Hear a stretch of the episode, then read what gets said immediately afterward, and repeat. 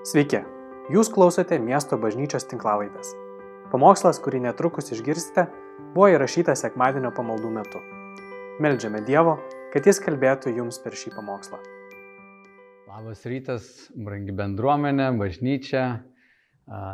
Sveikinu Jūs šiandien su pirmoji Advento sekmadieniu.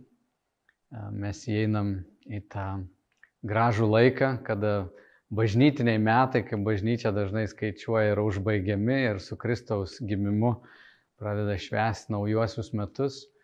Ir ką praeitą savaitę Džonas pamokslavo apie maldą, man norėjęs irgi tęsti tai, mes kalbėjom su Džonu apie tą poreikį, kad šiuo laikotarpiu mums būtų svarbu kalbėti apie maldą, apie tą gebėjimą pasimaitinti, pabūti su Dievu, nes mūsų dvasiniai kelionė, kiek mes be primtumėm iš aplinkos kažkur maisto, mūsų pagrindinė duona yra Kristus, kuris trokšta su mumis susitikti ir kviečia mus į tą buvimą su juo.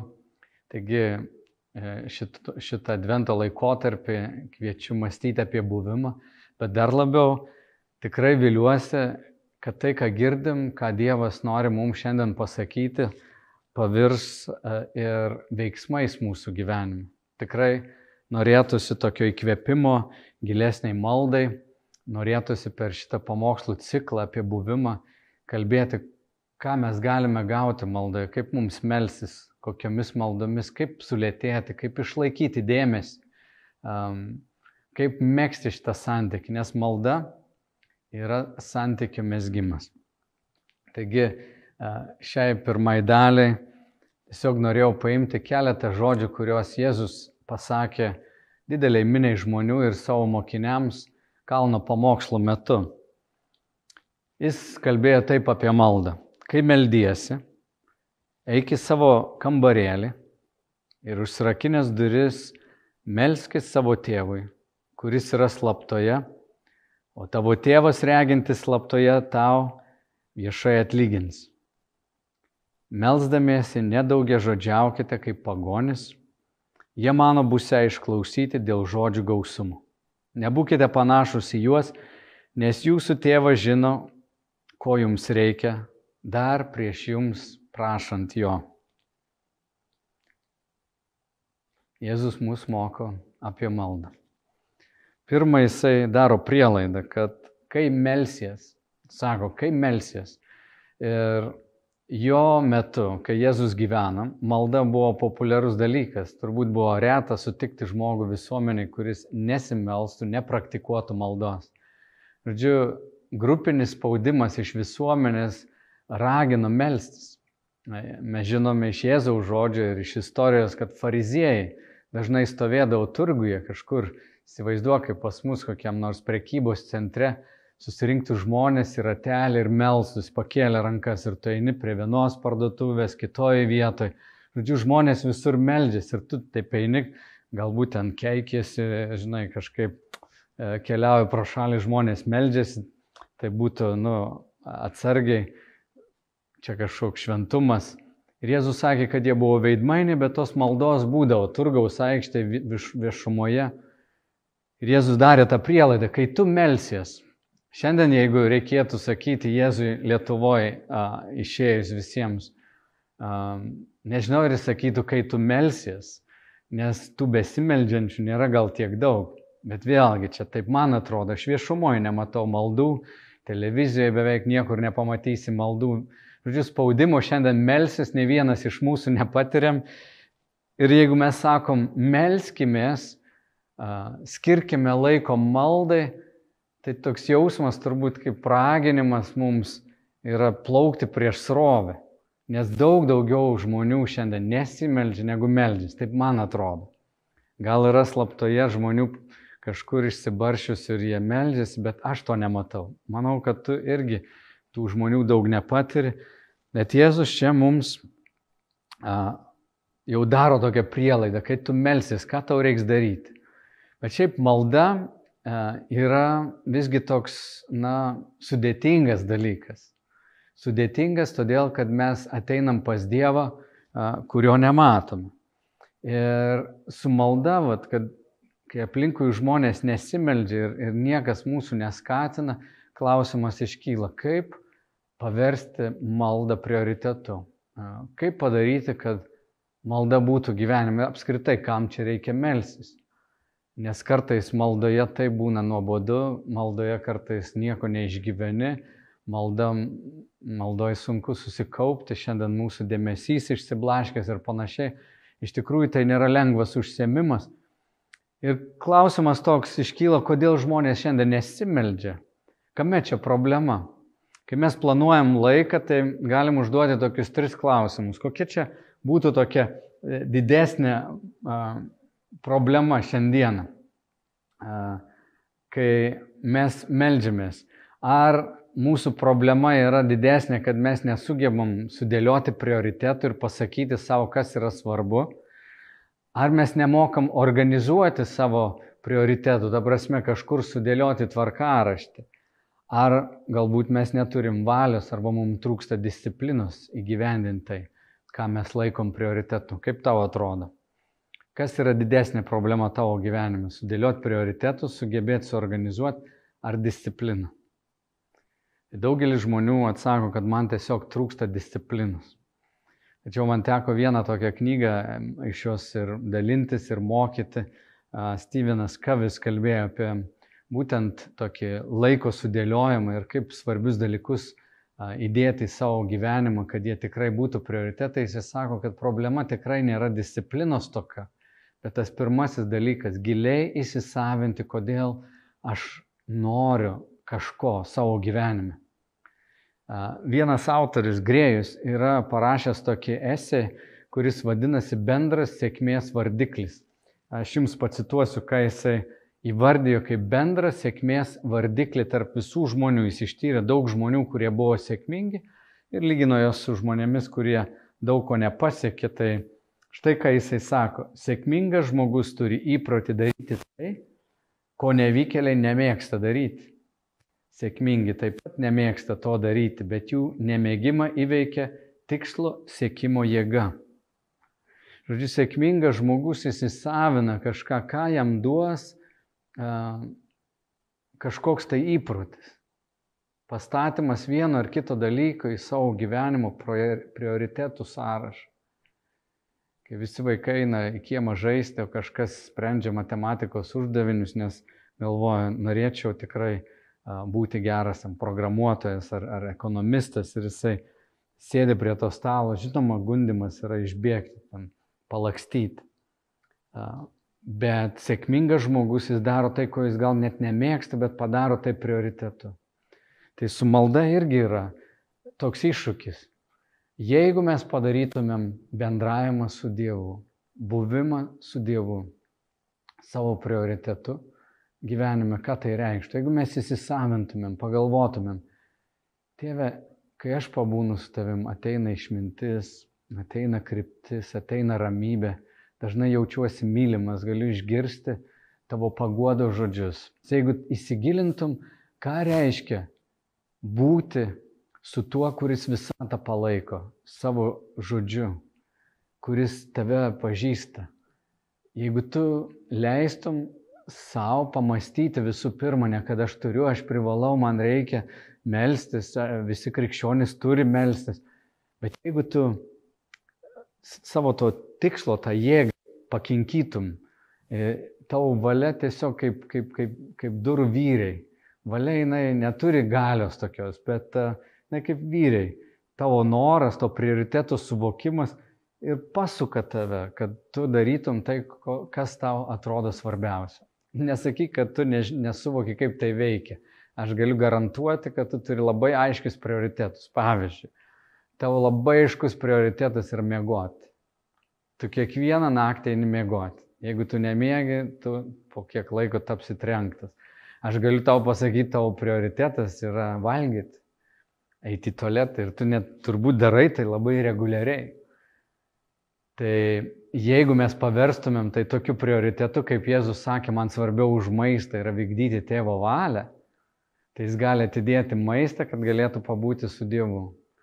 Žodžiu, tam, kad malda, buvimas su Dievu taptų tavo prioritetu, atsidurtų tavo tvarkaraštį ir tu tai turėtum kaip gyvenimo tokį šaltinį, kas tave pamaitina, tau reikia pradėti ne nuo savęs merkimo, kad tu kažko nedarai, bet nuo įsigilinimo, kas būtų, jeigu aš savo laiką praleisčiau su Dievu, kuris mane myli. Kas būtų, jeigu aš išmokčiau būti su juo, pasimaitinti juo.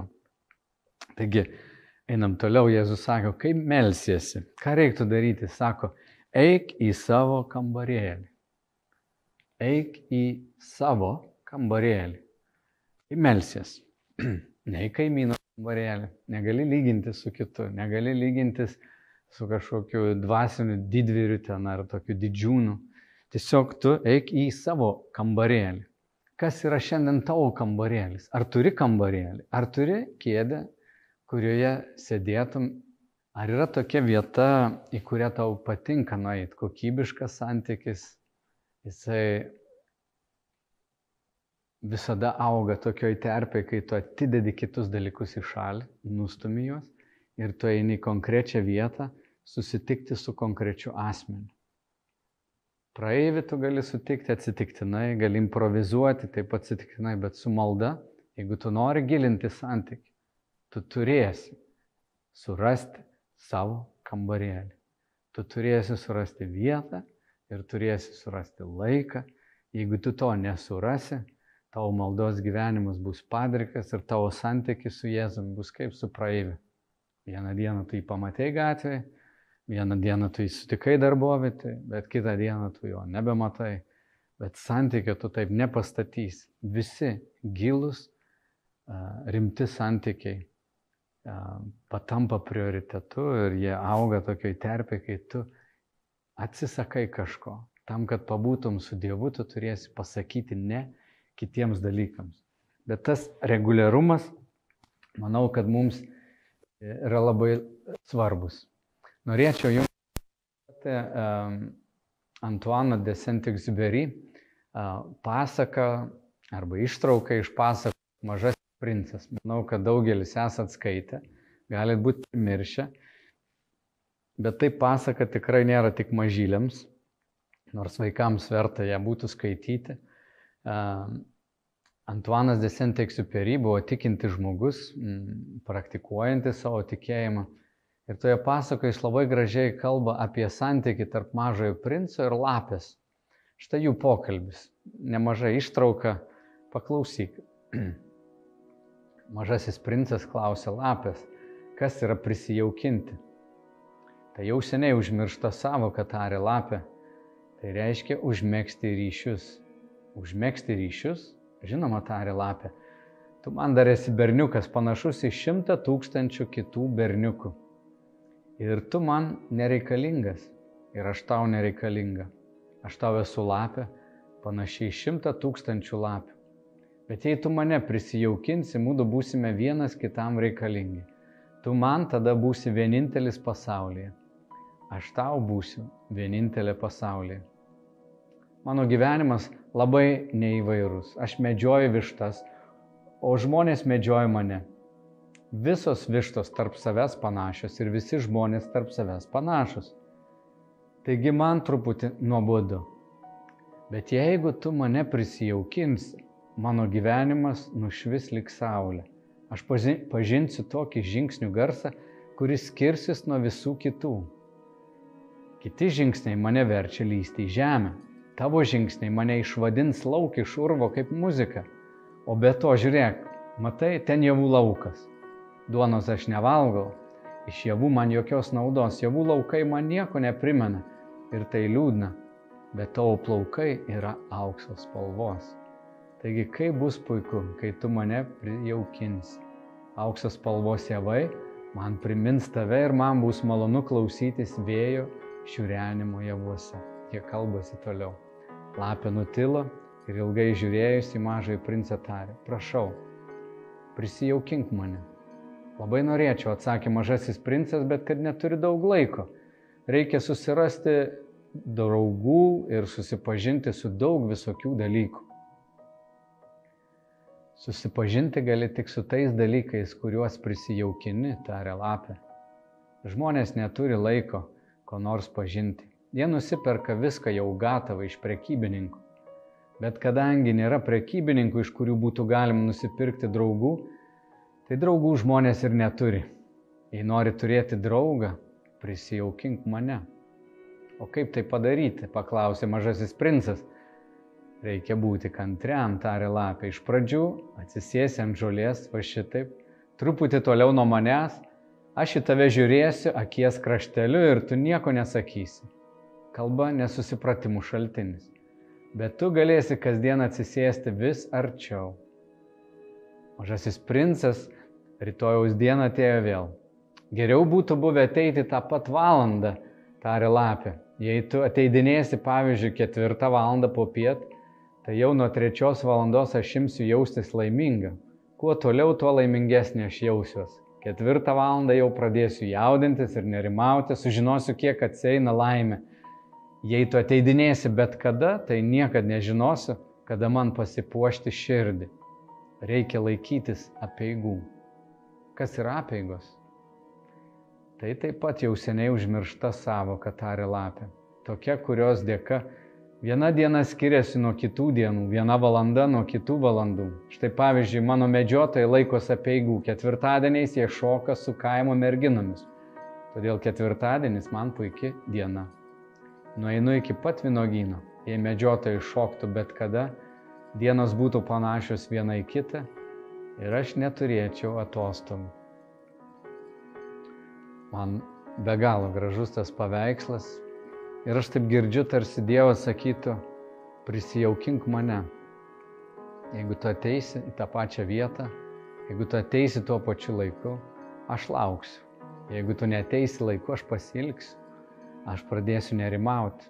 Bet jeigu santykis bus toks atsitiktinis, kaip šimto tūkstančių kitų berniukų, ten gilio nebus, ten tikros draugystės nebus. Ir aš matau, kad na, Dievas be galo, be galo yra išsilgęs mūsų.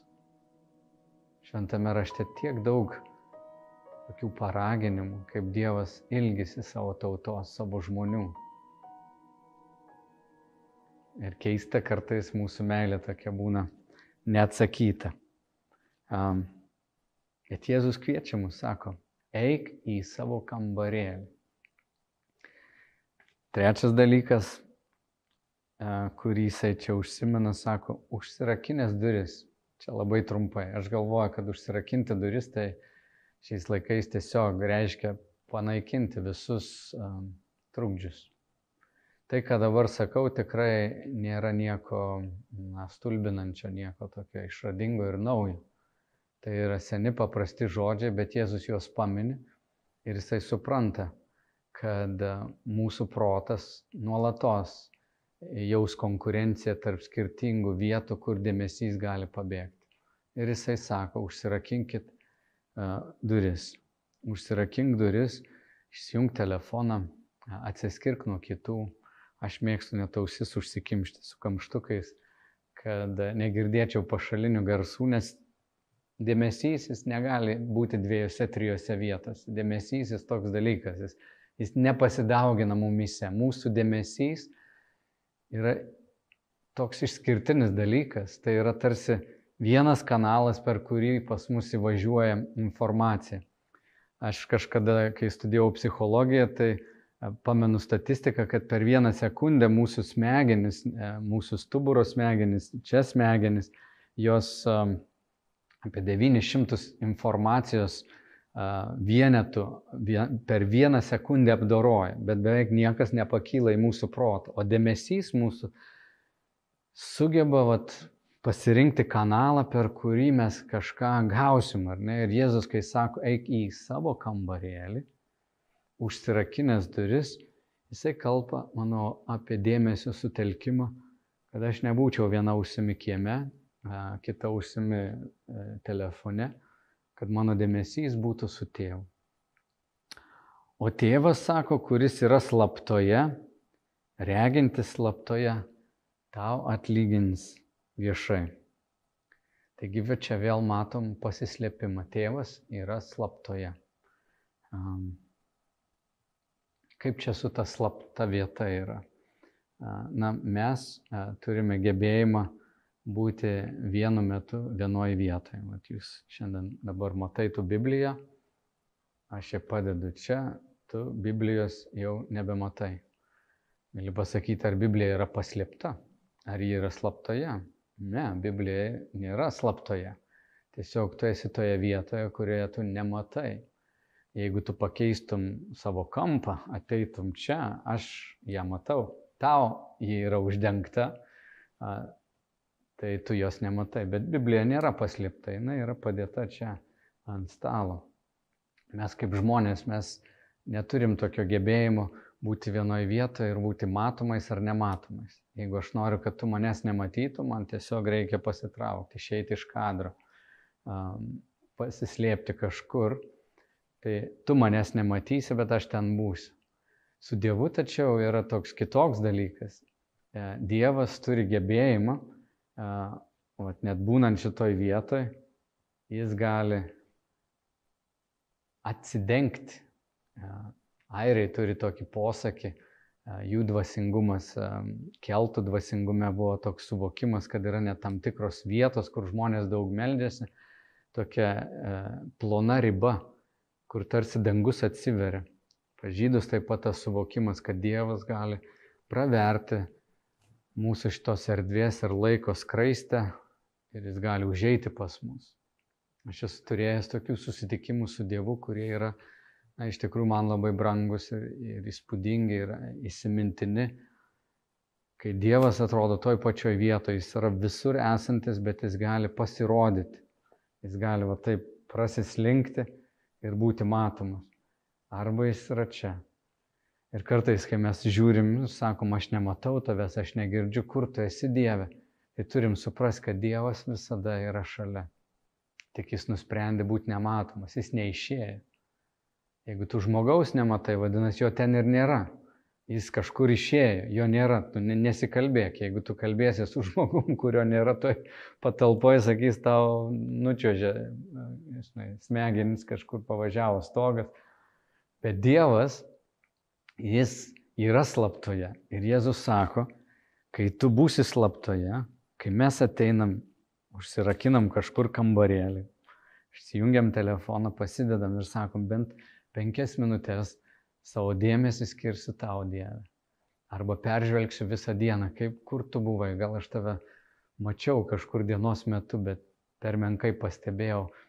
Ir būdamas va tokio tyrimo maldoj, tarkim vakare, užsirakinęs duris, kažkur būdamas e, vienas, aš galiu būti slaptoje ir tu būk įsitikinęs, kad Dievas tave ten mato, tu jam esi matomas, jis tave pažįsta, tik tu jo nematai, bet būk tikras, kad jis turi gebėjimą būti ir matomas, ir nematomas toje vietoje.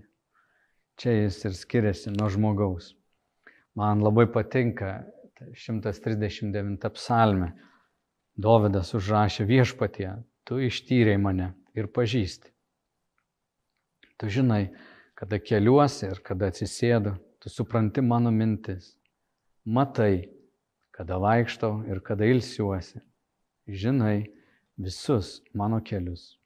Dar mano liežuvis nepratarė žodžio, tu viešpatė jau viską žinai. Apglėbęs laikai mane iš priekio ir iš užpakalio uždėjai ant manęs savo ranką. Toks pažinimas man yra labai nuostabus, ne man pasiekti tavo aukštybės. Dovydui buvo apreikšta, kažkada Dievas padarė štai tokį dalyką, jisai tiesiog atsivėrė Ir jis sako, Dovydai, aš tave matau, tu dabar mane matai. Aš matau tavo mintis, aš matau, ką tu man sakysi, aš pažįstu tave. Aš, aš žinau, ko tu trokšti, ko tu bijai, kas tave neramina, ant ko tu pyksti, ko tu abejoji. Aš tave matau. Ir kai Dovydui Dievas atidengė va, tą sugebėjimą savo, kad Dievas yra visur esantis, matantis ir visa ta likusi psalmė kalba, kad kur aš galiu nuo tavęs pasislėpti. Jis užrašė tuos įspūdingus žodžius, koks yra Dievas. Šiandien mes žinom, kad Dievas yra slaptoje kai mes užsirakinę, jis niekur nedingo, jis yra šalia mūsų ir jis mus mato. Tai va, Jėzus yra slaptoje. Tik svarbu toje slaptoje mums išlaikyti dėmesį ir patiems nepabėgti, nes dėmesio kartais savo mes galim būti tame kambarėlį ir kartais nu, išbėgti iš kambarėlio ir atsidurti kitoje vietoje.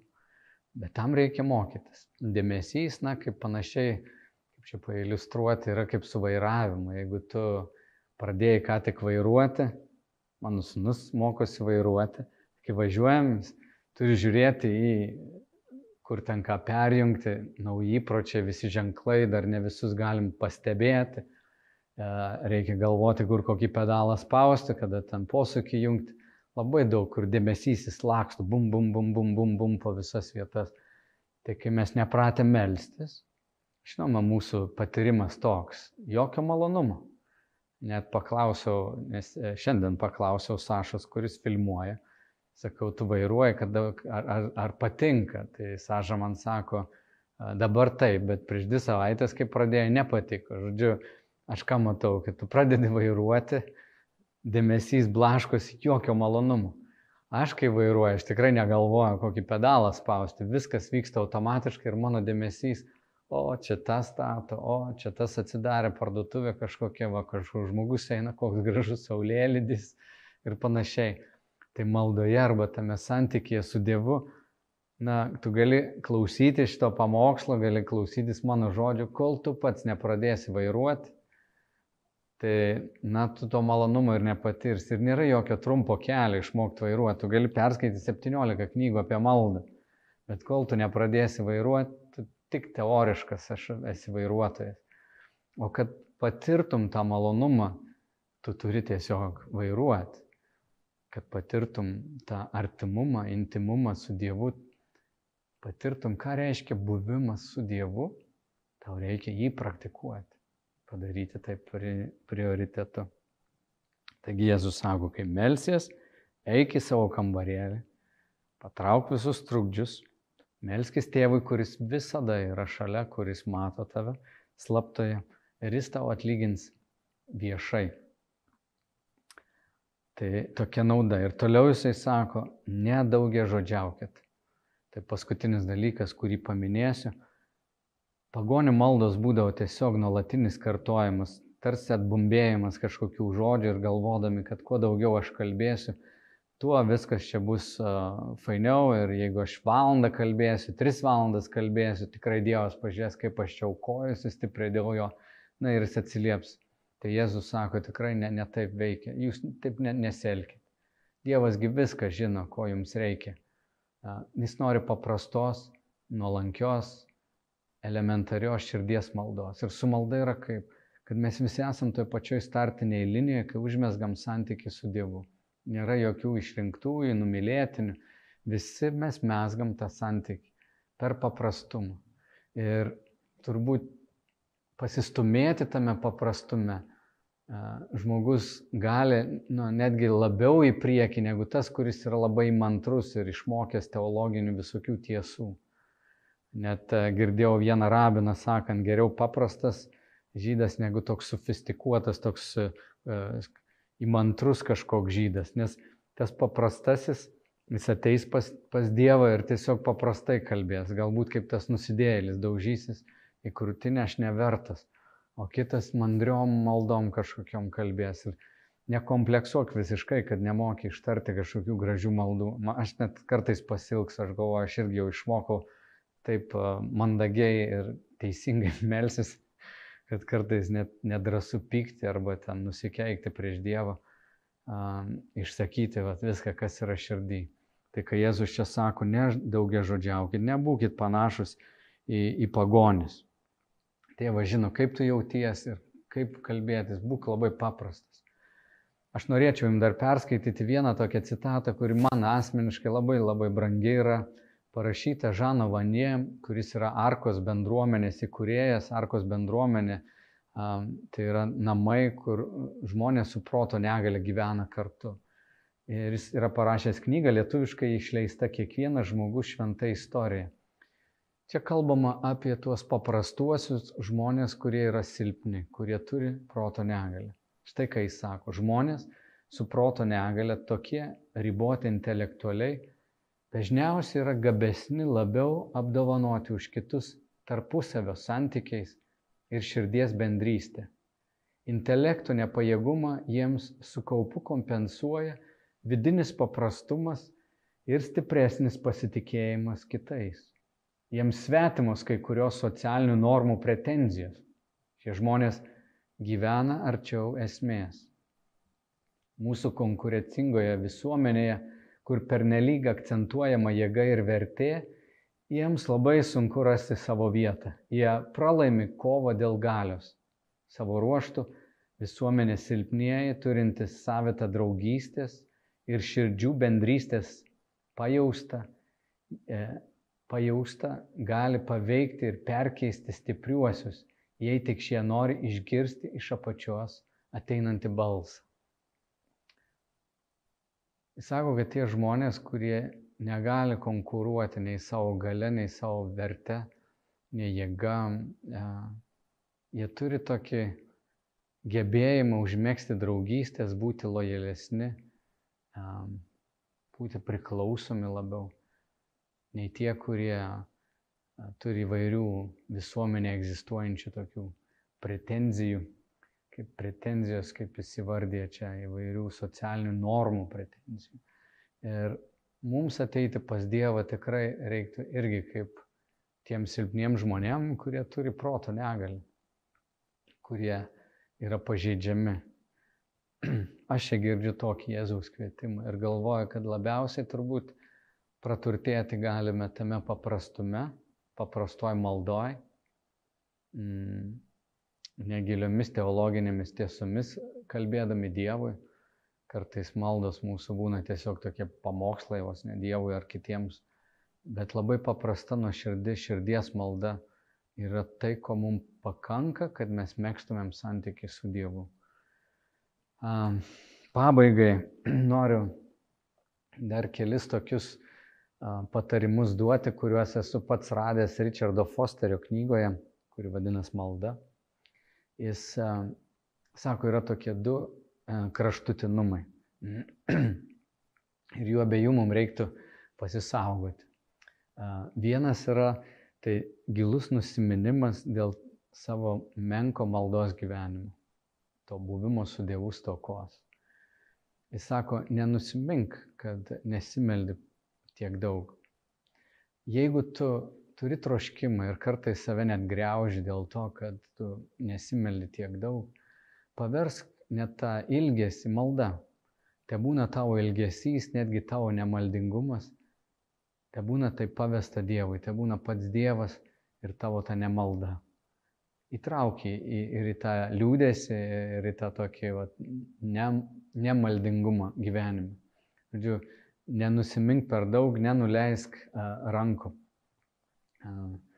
Mes visą savo nemaldingumą galim tiesiog pavesti jo rankas ir tas troškimas, kad noriu melsis, gali pavirsti irgi mūsų a, tokia a, na, malda, tyli malda, ilgesys.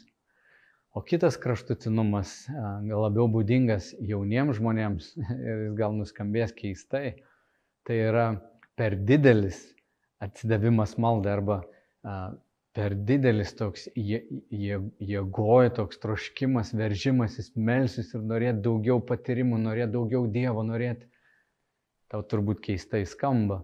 Nu, bažnyčios tėvai perspėja apie tokį dvasinį godumą tas saiko nebuvimas kartais yra tiesiog labai didelis mūsų galios noro netgi valdyti, netgi maldos gyvenimą kontroliuoti išraišką. Ir tas kitas kraštutinumas, kad aš taip Dievo noriu, yra tiesiog vėlgi toks panašus į tą pagonišką daugia žodžiavimą, kai labai daug, daug, daug, daug, daug, daug, daug tų maldų. Um, troškimas gilus turbūt niekada neižeis Dievo, Bet aš kalbu apie tokį perdėdą godumą, kai aš noriu įvairių tų potyrių ir ne Dievas man kažkur iš šono yra patrauktas, man reikia tiesiog išgyventi, patirti jį.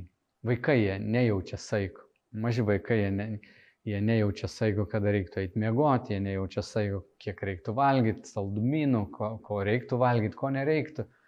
Ir kartai su dvasiniu gyvenimu irgi mes galim taip labai verštis. Ir, ir kas atsitinka, Richardas Fosteris taip gerai sako, kad per dideli kasniai, per daug to maisto, per daug perskaityta, toks per didelis užsidegimas ir tam tikras fanatizmas nebeleidžia tau virškinti. Ir aš esu žmonių matęs, kurie brolių, sesų, kurie tiek prisiskaito arba taip veržiasi, kad viskas čia yra prote, bet nebėra polisio, nebėra džiaugsmo, yra tiesiog daug tokio sunkaus darbo, tokio veržimos link Dievo. Tai vad bažnyčios tėvai irgi perspėja nuo tokio dvasinio godumo. Kai viena, nenusimink per daug, jeigu nėra maldo šventoji dvasia, tavį pradėjo darbą ir tave sužadins. Bet paskirk laiką numatyk laiką, vietą, kur galėtum nueiti. O jeigu tu esi tas, kuris jau pavargęs ir tu nuolat tokiuose vat, linksmuosiuose kalneliuose, tai tau viskas gerai, tai tau viskas blogai, tai Dievas nuostabus, tai jis kažkur dingo ir pradingo. Tai patarimas tau yra nusiramink ir pasitenkink tuo, ką Dievas šiandien tau preiškia ir tai, ką jis duoda. Užbaigsi e, tokiamis eilutėmis susijusi su va, tuo paskutiniu tokiu patarimu. 131 psalmė yra tokios ramybės pilnos uh, eilutės. Viešpatė, mano širdis neišdidi ir mano žvilgsnis neišpuikęs. Nesiekiu didelių dalykų to, kas prašoka mano jėgas. Priešingai, esu patenkintas ir ramus, kaip vaikas ramus ant motinos kelių, taip rami širdis mano krūtinėje. Nesiek dalykų, kurie prašoka tavo jėgas, bet ir nebūk tingus per šitą laikotarpį adventą. Aš kviečiu tave labai rimtai pamastyti, kokia dienos akimirka, koks laikas būtų tau tinkamas. Pabūti su tuo, kuris tavęs ilgis. Kur būtų ta vieta, kur būtų ta kėdė prie lango, laukia, namuose, gal net vonios kambarį, kur niekas netrukdo. Kur yra tavo ta vieta? Surask tą vietą, nueik į tą slaptą savo kambarėlį, užsirakink duris ir paskirk laiko, pabūk su tėvu, kuris yra slaptoje. Kiekvieną tavo mintį, žodis girdi. Kai tu išeisi iš to kambarėlį, jis tau atlygins viešai.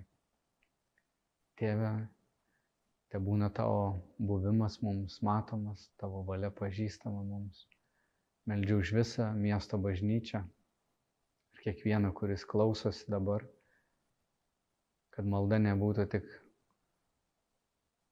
protinis toks pritarimas jai, bet buvimas, paragavimas, netgi pasimėgavimas, kai detalės jau nebetrukdo ir mūsų dėmesys gali išklausyti tave, mes galim pabūti, pamatyti.